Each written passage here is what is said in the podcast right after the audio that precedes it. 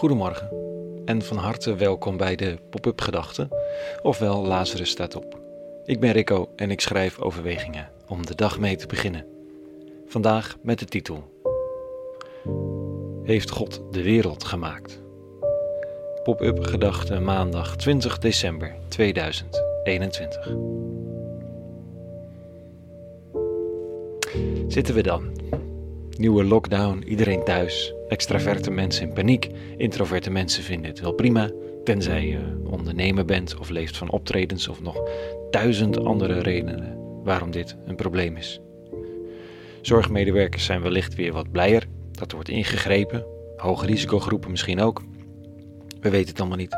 En we kijken uit het raam van onze huizen hoe zich de dagen ontwikkelen. We lopen een rondje en hopen er het beste van. Is er nog iets of iemand die dit alles in de hand heeft? De christelijke traditie zegt van wel. Het is wat uitgedrukt wordt in de gedachte dat God de wereld gemaakt heeft. In zeven dagen nog wel. Maar wat bedoel je precies? Vroeg een luisteraar naar de pop-up gedachtes als je zegt dat God de wereld heeft gemaakt. Ze hadden er wat gesprek over gehad. Fijne vraag, wat niet al te gemakkelijk antwoord. De theorie dat 6000 jaar geleden in zeven dagen het heelal werd geproduceerd met geprefabriceerde skeletten van miljoenen jaren oud is wel heel bijzonder ongeloofwaardig. Al worden er wel gekkere dingen geloofd deze dagen. Maar wat dan? Nou, allereerst is ons een briljant mooi gedicht overgeleverd in de eerste hoofdstukken van de Bijbel. In Genesis doet God het licht aan. Het begint niet met scheppen, het begint met de handeling van het licht aandoen. Tenminste, zo lijkt het bij nader inzien. Toen God begon met scheppen en de aarde nog leeg en donker was en er woeste stormen over het aardoppervlak raasden, zei God: Er zij licht.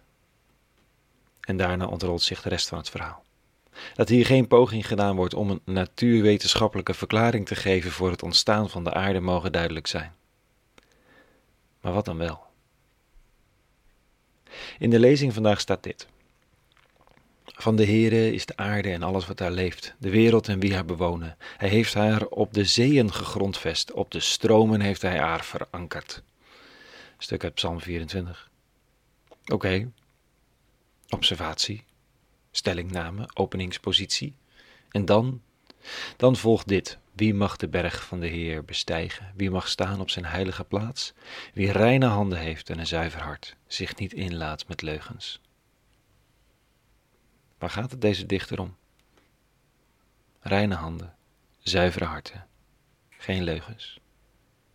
De functie van het feit dat er iemand anders dan jij deze planeet heeft gemaakt, dat jij hier zogezegd te gast bent in het huis van iemand anders, is dit: dat je als mens een hogere instantie erkent, een moraal, ethiek.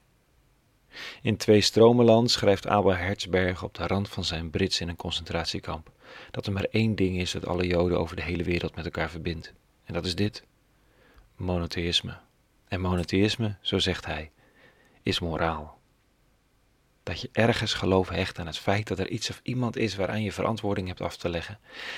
En al leef jij niet naar, toch is het er. Wat betekent het dat God de wereld heeft geschapen? moraal, goed en kwaad. Het bestaan daarvan los van mijn of jouw bestaan. Ik heb niet bedacht wat goed of kwaad is. En ik mag mij niet de zeggenschap daarover toe-eigenen. Ik heb als mens mijn plek te weten. Dat is de ziel ook van mensenrechten. Je mag niemands recht schenden, ook al heb je er zulke in eigen ogen goede redenen voor. Moet je het ene kwaad tegenover het andere afwegen, zoals de staat dat soms moet doen, dan nog met alle respect voor iemands waardigheid, zelfs al is het de grofste misdadiger. Daar zit misschien wel een betekenis van de gedachte dat God de hemel en de aarde heeft voortgebracht. Namelijk dat wij het niet waren en dat we daarom ons te voegen hebben. Samen. Zoiets. Tot zover de pop-up gedachten van vanochtend. Een hele goede maandag gewenst en vrede. En alle goeds.